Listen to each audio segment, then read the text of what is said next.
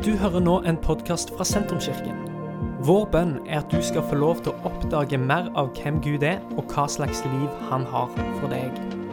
Mer informasjon om hvem vi er og hva som skjer i kirka, befinner du på sentrums.no og i sosiale medier.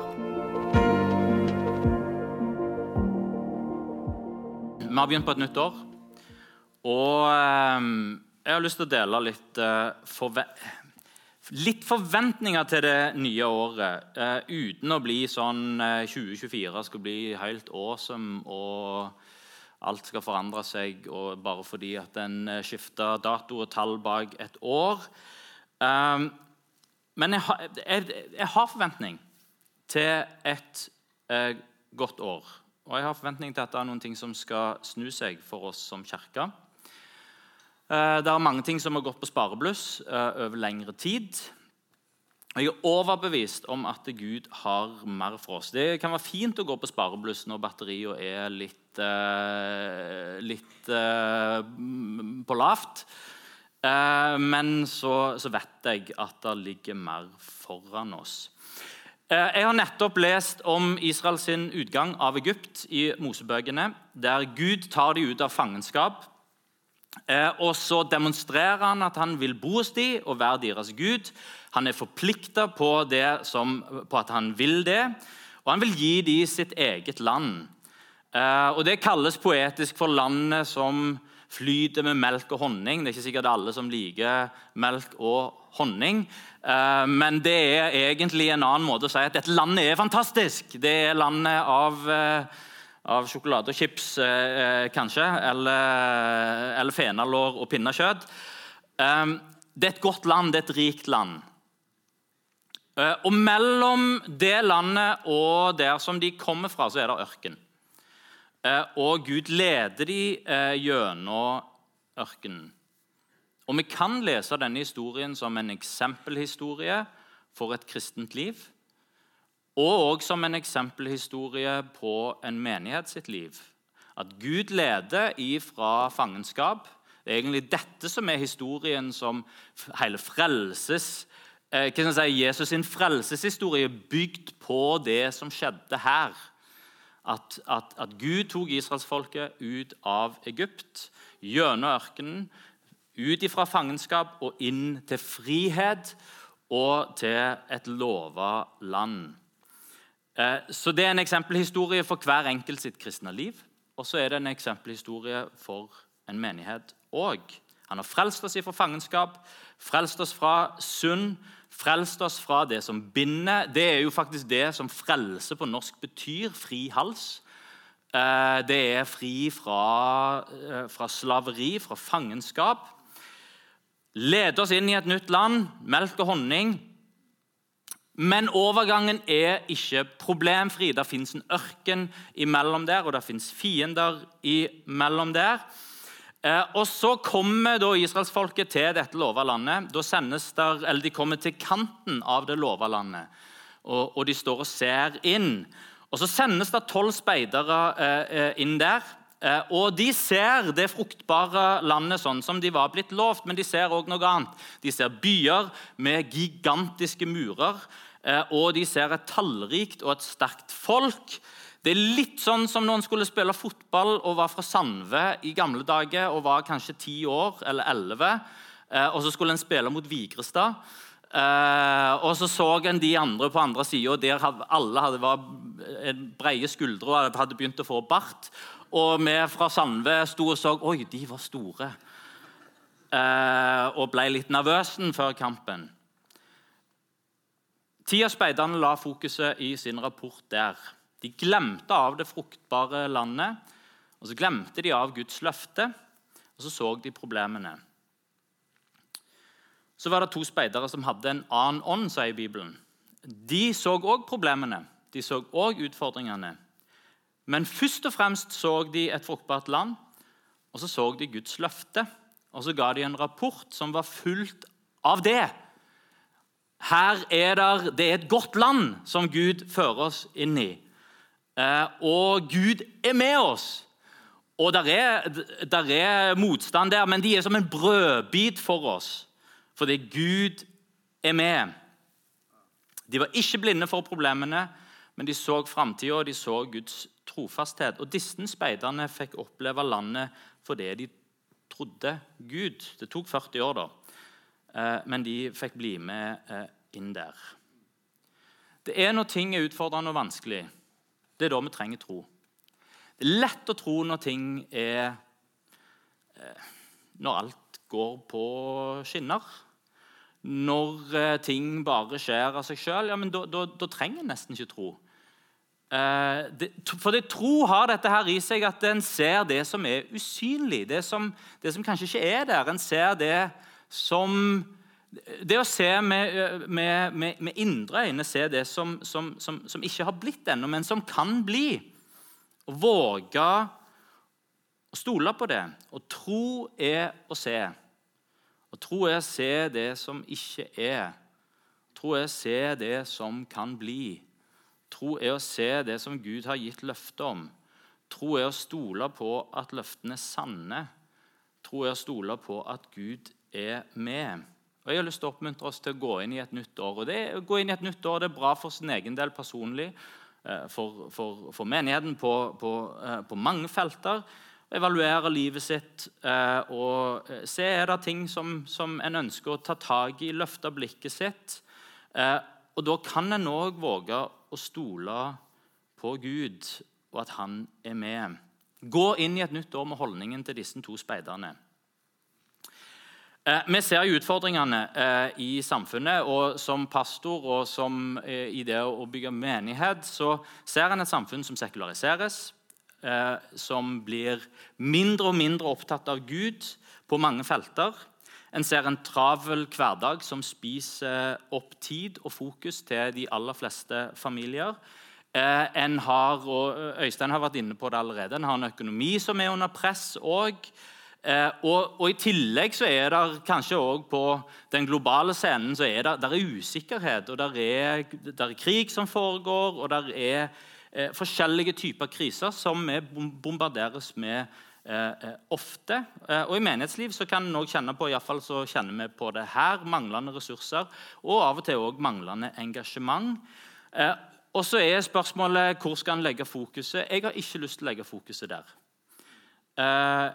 Gud har kalt oss til å være en menighet som setter avtrykk i denne byen. han vil gjøre ting gjennom oss. Jeg tror at denne kirka skal få prege regionen på en måte som får ringvirkninger utover eh, byen og utover landet. Jeg tror vi skal være med å berøre både enkeltpersoner og familier. Være med å gi Jesus til en ny generasjon, sånn som, der, eh, sånn som vi sier i visjonen vår. At unge mennesker kommer til tro og får erfare Jesus. Og jeg tror på en ny bølge av, eh, av unge folk som ønsker å følge Jesus, og som er overgitt til å tjene han helhjertet og med iver jeg tror at evangeliet skal slå rot i nye familier.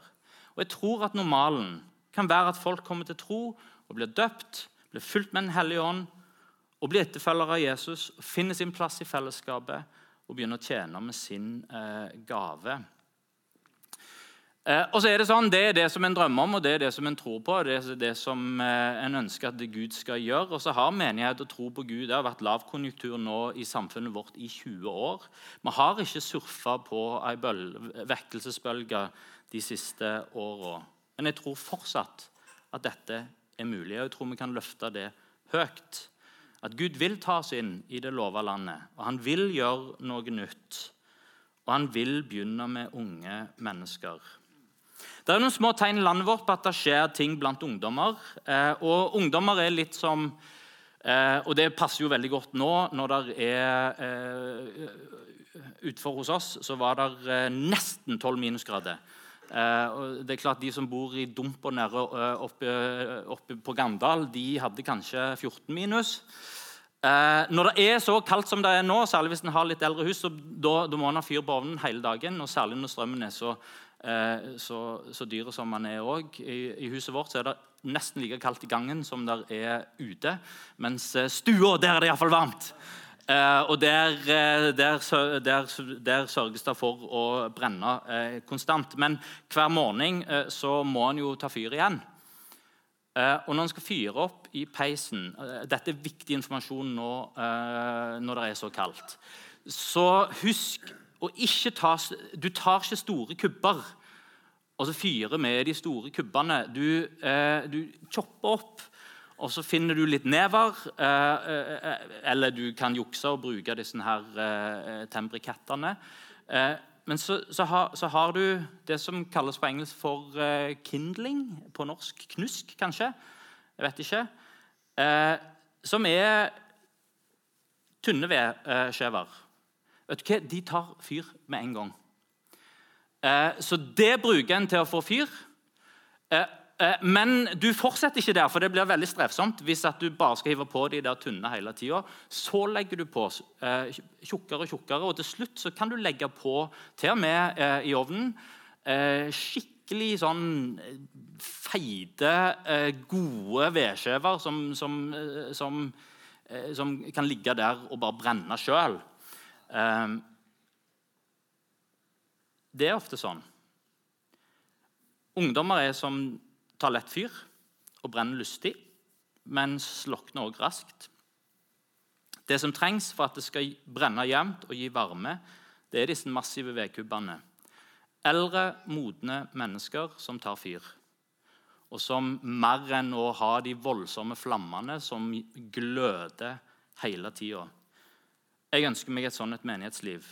Et bål som gir varme. Og, og ok, alle bilder er selvsagt ikke perfekte. Det er jo ikke sånn ja, ja, men da brenner vi ut. Ja, en gjør det i et bål. Det var ikke det som var poenget her. Her er poenget at det brenner, gir lys og varme. og så brenner det alle. Her blir det som, som når Moses møter Gud i ørkenen, og det står at det brenner i busken, men busken brant ikke opp. Eh, så det er sånn det foregår her. Eh, det tar fyr i de, i de yngste, men det hjelper ikke så mye hvis ikke de voksne har fyr på peisen og er med og gløder og har iver og blir tent i brann for Gud. Og her har, her har, du fokuset for de neste månedene i Sentrum kirke. Vi har lagd noen fine ikoner òg. Eh, og for, for, deg som er litt eh, bibelbevandret, så forstår du at dette handler om duer Den hellige ånd, krukker som fylles opp med vann, Hellige ånd, eh, vindruer hel, Det handler om Den hellige ånd.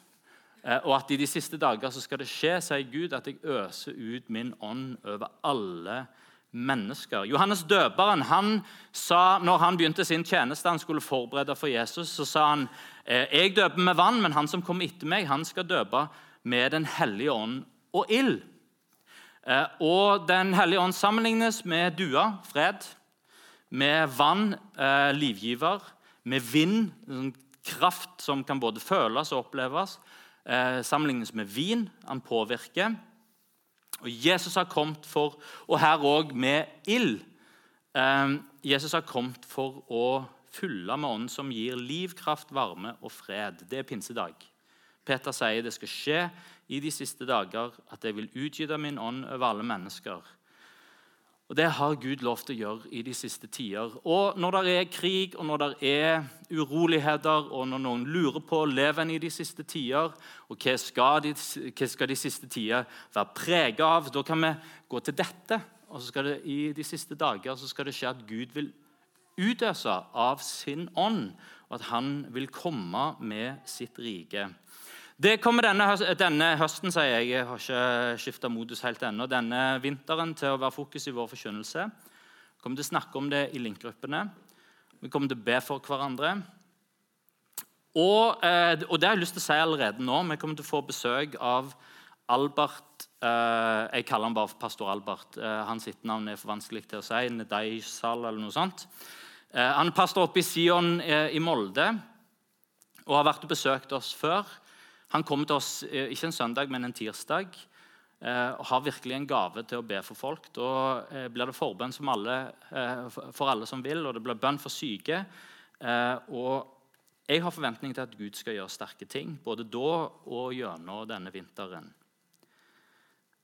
At vi fokuserer på Den hellige ånd, at det er erfaringer med Den hellige ånd, og at vi søker Den hellige ånd. Eh, når vi skal gjøre det, så er det viktig eh, å vite hva sann åndelighet er, og hva som gjør et menneske åndelig.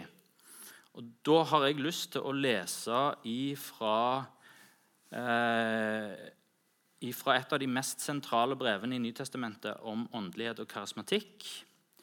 Eh, skal ikke lese helt ennå, så vi trenger ikke få opp det på skjermen ennå. Eh, Korinterbrevet er kjent for å være det karismatiske brevet. Det brevet som alle Eh, pinsekarismatiske eh, eh, kristne eh, elsker. Sammen med apostelgjerningene så, eh, så, er det det en kommer tilbake til igjen og igjen. Og igjen, og særlig kapitlene fra 12 til 14. Eh, og Når vi skal lese disse brevene, så er det greit å kjenne litt av utfordringen som de menighetene som fikk brevet, hadde, og hva som var bakgrunnen. Korint det var en stor, det var en stor by Eh, som hadde en, omtrent på størrelse med Sandnes. 80 000 innbyggere. Eh, som besto av eh, veteraner og frigitte slaver. Og der var der, eh, Den var grunnlagt bl.a. for å sikre handel mellom Roma og den eh, østlige delen av Romerriket. Så det var masse handel som, som, eh, som foregikk i Korint. Og Gjennom denne handelen så ble byen særdeles rik, litt sånn som Norge. Eh, så her har vi eh, en, en rik by som òg var ganske umoralsk. Eh, det var det å komme Og Korinta var faktisk et verb. Altså noe en òg kunne gjøre.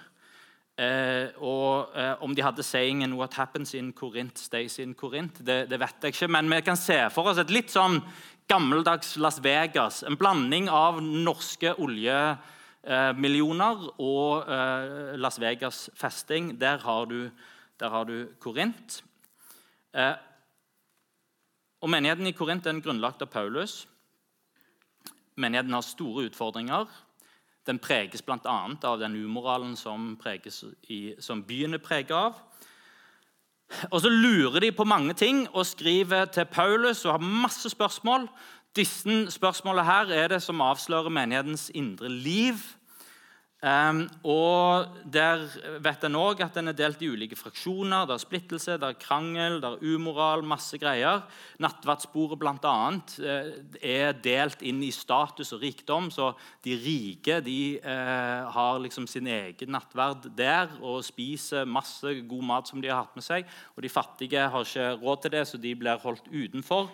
Eh, det var til og med noen som drakk seg fulle under nattverden. Så en forstår at dette her er et kaotisk menighetsmiljø som er delt opp i status, i rikdom, i liksom eh, masse greier. Og så svarer eh, brevet til, Første brev til korinterne er egentlig svar på masse spørsmål som menigheten har stilt Paulus.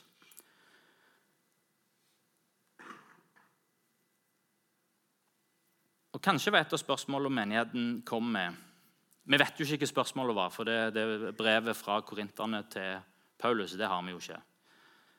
Eh, for, men han, han, han, argumenterer sånn som dette når det gjelder dette.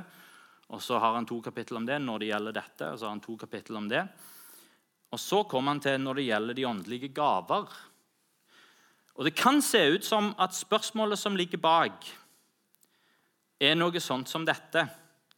Er åndelige manifestasjoner og nådegaver et bevis på at en er et åndelig menneske? Det er iallfall det som flere teologer sier er sannsynligvis spørsmålet som korinterne kommer med. Det gir mening til Paulus' sin argumentasjon. Hva er det så, egentlig så er det underliggende spørsmålet hva gjør et menneske til et åndelig menneske? Er det disse manifestasjonene? Er det de åndelige gavene? Er det tungetale? Er det profeti? Er det å be for syke som blir helbreda? Eh, og Paulus svarer med å si at ingenting av dette er uviktig. Alt dette er viktig. Han sier Vi skal streve og søke med iver etter nådegavene. Men, men når han driver og legger ut om eh, nådegaver og åndelighet og profetier og tungetale og ting som kanskje normale eh, folk som ikke kjenner Bibelen normale folk som ikke kjenner Bibelen, Vanlige folk som ikke kjenner Bibelen så godt, ikke har noe forhold til i det hele tatt. Midt oppi alt dette så kommer kanskje det vakreste kapittelet i hele Bibelen, som nesten alle, uavhengig av om en har lest i Bibelen eller ikke, kjenner til, nemlig kjærlighetskapittelet. 1. Korintene 13. Og Det er en av de mest siterte bibelversene, eh, iallfall i vår tid, fins. At størst av alt er kjærligheten. Og Vi skal lese eh, fra 1. Korintene 12, 31 og til og med 1. Korintene 14, 1. Jeg tar med avslutningen av vers 12. Vær ivrig etter å få de største nådegavene, og jeg vil vise dere en enda bedre vei. Om jeg taler med mennesker så englers tunge, men ikke har kjærlighet, da er jeg bare drønnende malm eller klingende bjeller. Om jeg har profetisk gave, kjenner alle hemmeligheter og eier all kunnskap, om jeg har all tro så jeg kan flytte fjell, men ikke har kjærlighet, da er jeg intet. Om jeg gir alt jeg eier til brød for de fattige, og ja, om jeg gir meg sjøl til å brennes, men ikke har kjærlighet, da har jeg ingenting vunnet. Kjærligheten er tålmodig, kjærligheten er velvillig. Den misunner ikke, den skryter ikke, er ikke hovmodig. Kjærligheten krenker ikke, søker ikke sitt eget, er ikke oppfarende og gjemmer ikke på det onde.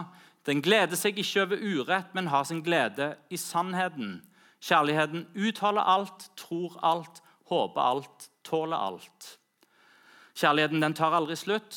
Profetgavene de skal bli borte. Tungene skal tie, og kunnskapen forgå. For vi forstår eh, stykkevis og taler profetisk stykkevis, men når det fullkomne kommer, skal det som er stykkevis, ta slutt. Da jeg var barn, talte jeg som et barn, tenkte jeg som et barn, forsto jeg som et barn. Men da jeg ble voksen, ser jeg at det handler her om å bli moden og gå fra å bli, være barn til å bli voksen. Da lå jeg av det barnslige. Nå ser vi et speil i ei gåte. Da skal vi se ansikt til ansikt. Nå forstår jeg stykkevis. Da skal jeg erkjenne fullt ut slik Gud kjenner meg fullt ut. Så blir de stående, disse tre tro, håp og kjærlighet. Men størst blant de er kjærligheten. Jag etter kjærligheten. Og søk åndsgavene med iver, særlig det å tale profetisk.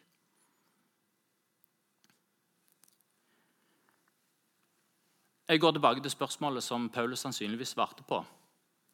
Hva er det som gjør et menneske åndelig? Hva kjennetegner et åndelig menneske? Og Det er viktig når en søker åndelige opplevelser og erfaringer. Det er ikke de åndelige følelsene og erfaringene og gavene som gjør et menneske åndelig.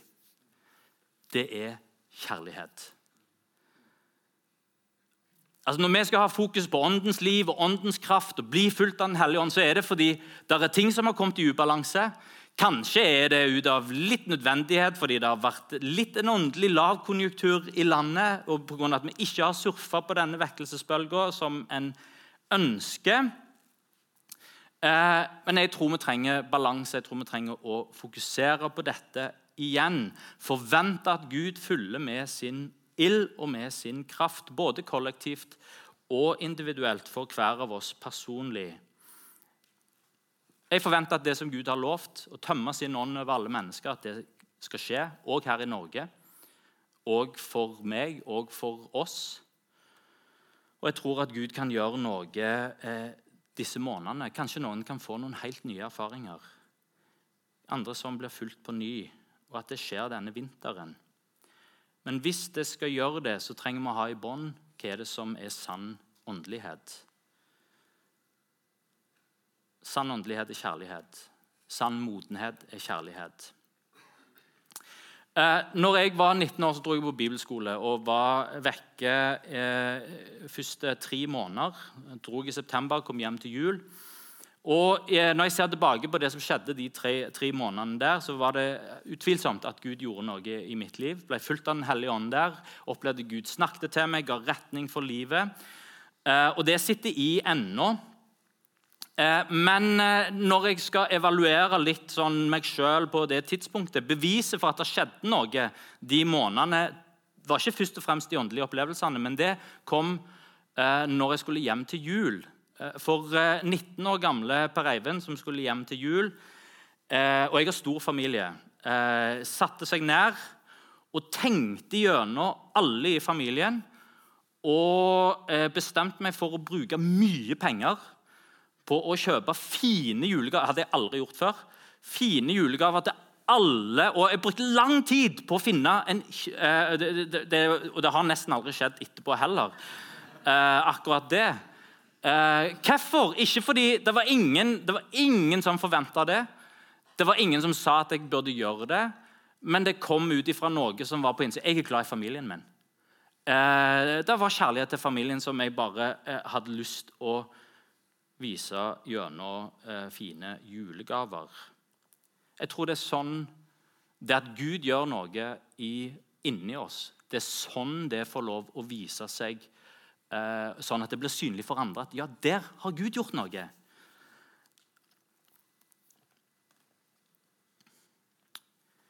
Frukten av Den hellige ånd i et menneske det er kjærlighet. Vi kan få opp den neste eh, sliden. Kjærlighet er ikke bare tegn på åndelighet, men det er òg det som Den hellige ånd gjør. Han fyller oss med kjærlighet. Galaterbrevet 5,22 sier at åndens frukt det er kjærlighet, glede, fred, overbærenhet, vennlighet, godhet, trofasthet, ydmykhet og selvbeherskelse. Eh, ordet for frukt som er brukt her, er ordet for frukt i entall. Altså én frukt. Ikke, eh, på norsk så er det vel en en frukt, mange Hva sier en for noe? En frukt, mange frukt? Frukter? Ja, Jeg vet ikke. Men uh, uansett, uh, på grunnteksten her så er det entall for frukt som er brukt. Det er åndens frukt i entall. Uh, da er det ikke tilfeldig hva det er som kommer først. Det er ikke at åndens frukt i entall er glede. Men åndens frukt i entall er kjærlighet. Hva er alt det andre der? Glede, fred, overbærenhet, vennlighet, godhet, trofasthet, ydmykhet, selvbeherskelse. Alt det er beskrivelse av hvordan kjærligheten ser ut. Egentlig så kan du ta alt det der og så kan du ta det over til eh, kjærlighetskapittelet som Paulus har i 1. Korinterne 13. Tålmodig, velvillig, ikke misunnelig, ikke skrytende, ikke brautende, ikke usømmelig, ikke hissig. Den bærer ikke nag, ikke gleder seg over urett og gleder seg over sannhet. uttaler alt, tro alt, håper alt, tåler alt, faller aldri bort. Det minner ganske mye. Frukten som vokser fram av et menneske som er kobla på Gud, det er kjærlighet. Og frukten den kommer over tid. Og Skal det komme frukt, så må det være kobla til treet, og det må være kobla til røttene. Jesus sier, 'Jeg er treet, dere er greinene.' 'Bli meg, så skal dere bære mye frukt.' Et åndelig menneske er et kjærlighetsfullt menneske. Et åndelig menneske søker kjærlighet. Kjærlighet er frukten som vokser over tid. Modenhet og heftig karismatikk er ikke det samme. Åndelige drittsekker det er et oxymoron. Det er, altså med andre ord, det er to ting du ikke kan sette sammen. Det går ikke. Å være en åndelig drittsekk altså I det øyeblikket du er en eh, drittsekk, så har du på en måte strekt ut åndelig. For, for åndelighet og kjærlighet går hånd i hånd. De første eh, pinsevennene de kalte åndsdåpen for en kjærlighetsdåp. Åndsdåp og åndsfylde er en fylde av kjærlighet til Gud og kjærlighet til mennesker som kommer med kraft. Derfor så avslutter 1. Korintene 12 med å søke med iver nådegavene. Og 1. Korintene 14,1, kapittel 14 begynner med 'søk med iver igjen åndsgavene'. Søk med iver og bli fulgt av Den hellige ånd. Det er det jeg har lyst til å invitere oss til å gjøre. Egentlig ikke sånn ja, ja, vi skal gjøre det nå òg, men denne vinteren eh, Se det som Gud har lovt at han har gitt et løfte om å fylle med sin ånd. Jesus sier dere skal få kraft i Den hellige ånd komme over dere. Og dere skal være mine vitner. Det lover han disiplene sine.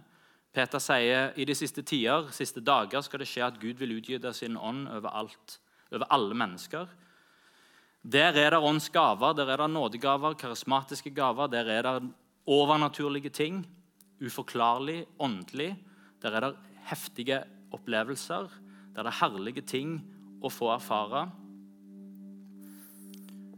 når vi starta Sentrumskirka Allerede det første, første sommeren så dro vi på teamtur. Eh, og da eh, dro vi til Polen. Det er jo nå 20 år siden.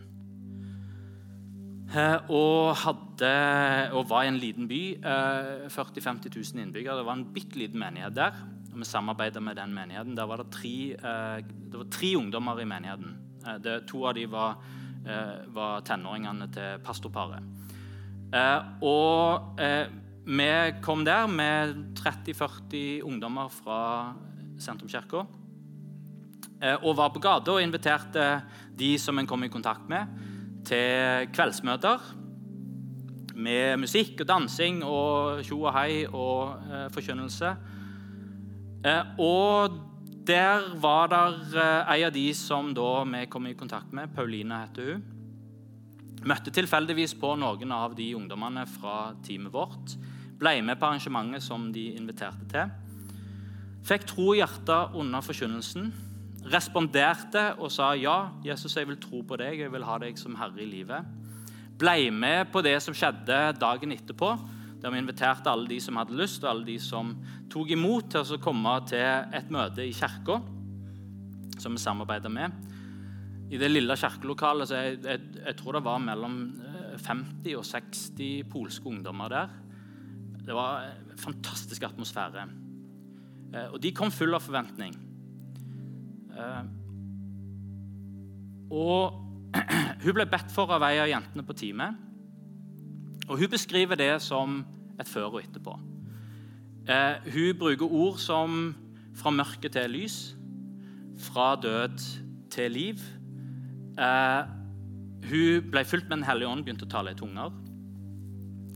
og Grunnen til at jeg vet dette, er fordi hun tok kontakt med oss for et år siden.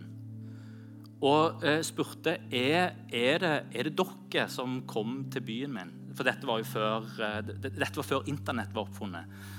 Eh, nei, det var Internett da, men det var, det, det var liksom eh, Det var vanskelig å holde kontakt etterpå. Og hun ville takke. Endte opp med å gifte seg med en fra Norge.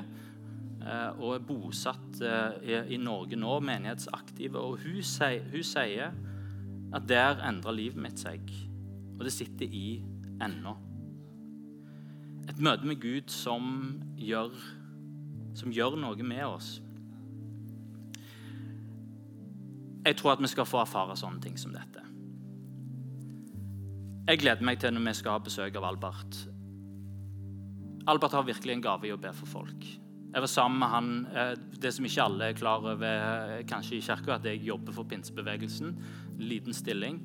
Eh, og er med og koordinerer kirkeplanting.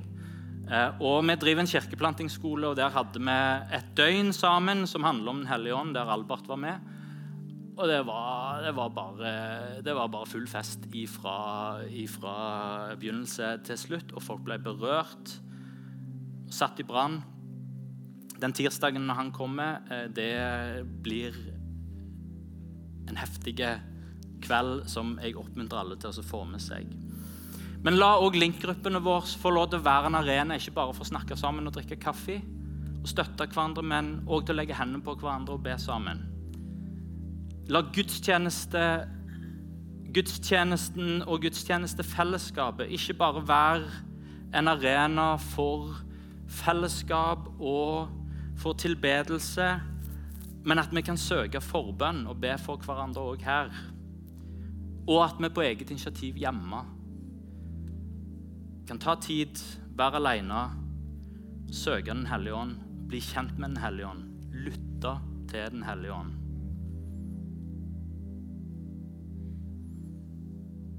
For Gud har lovt å fylle med sin ånd i de siste tider. Så oppfordring søk Gud i 2024. Jag etter kjærlighet, men søk òg med iver nådegavene. Kanskje for første gang, eller for å bli fornya. Så kan vi ta oss og reise oss. Dette er slutten på denne podkastepisoden. Har du spørsmål om Jesus, om tro, om livet, så er du hjertelig velkommen til å ta kontakt med oss via sentrums.no.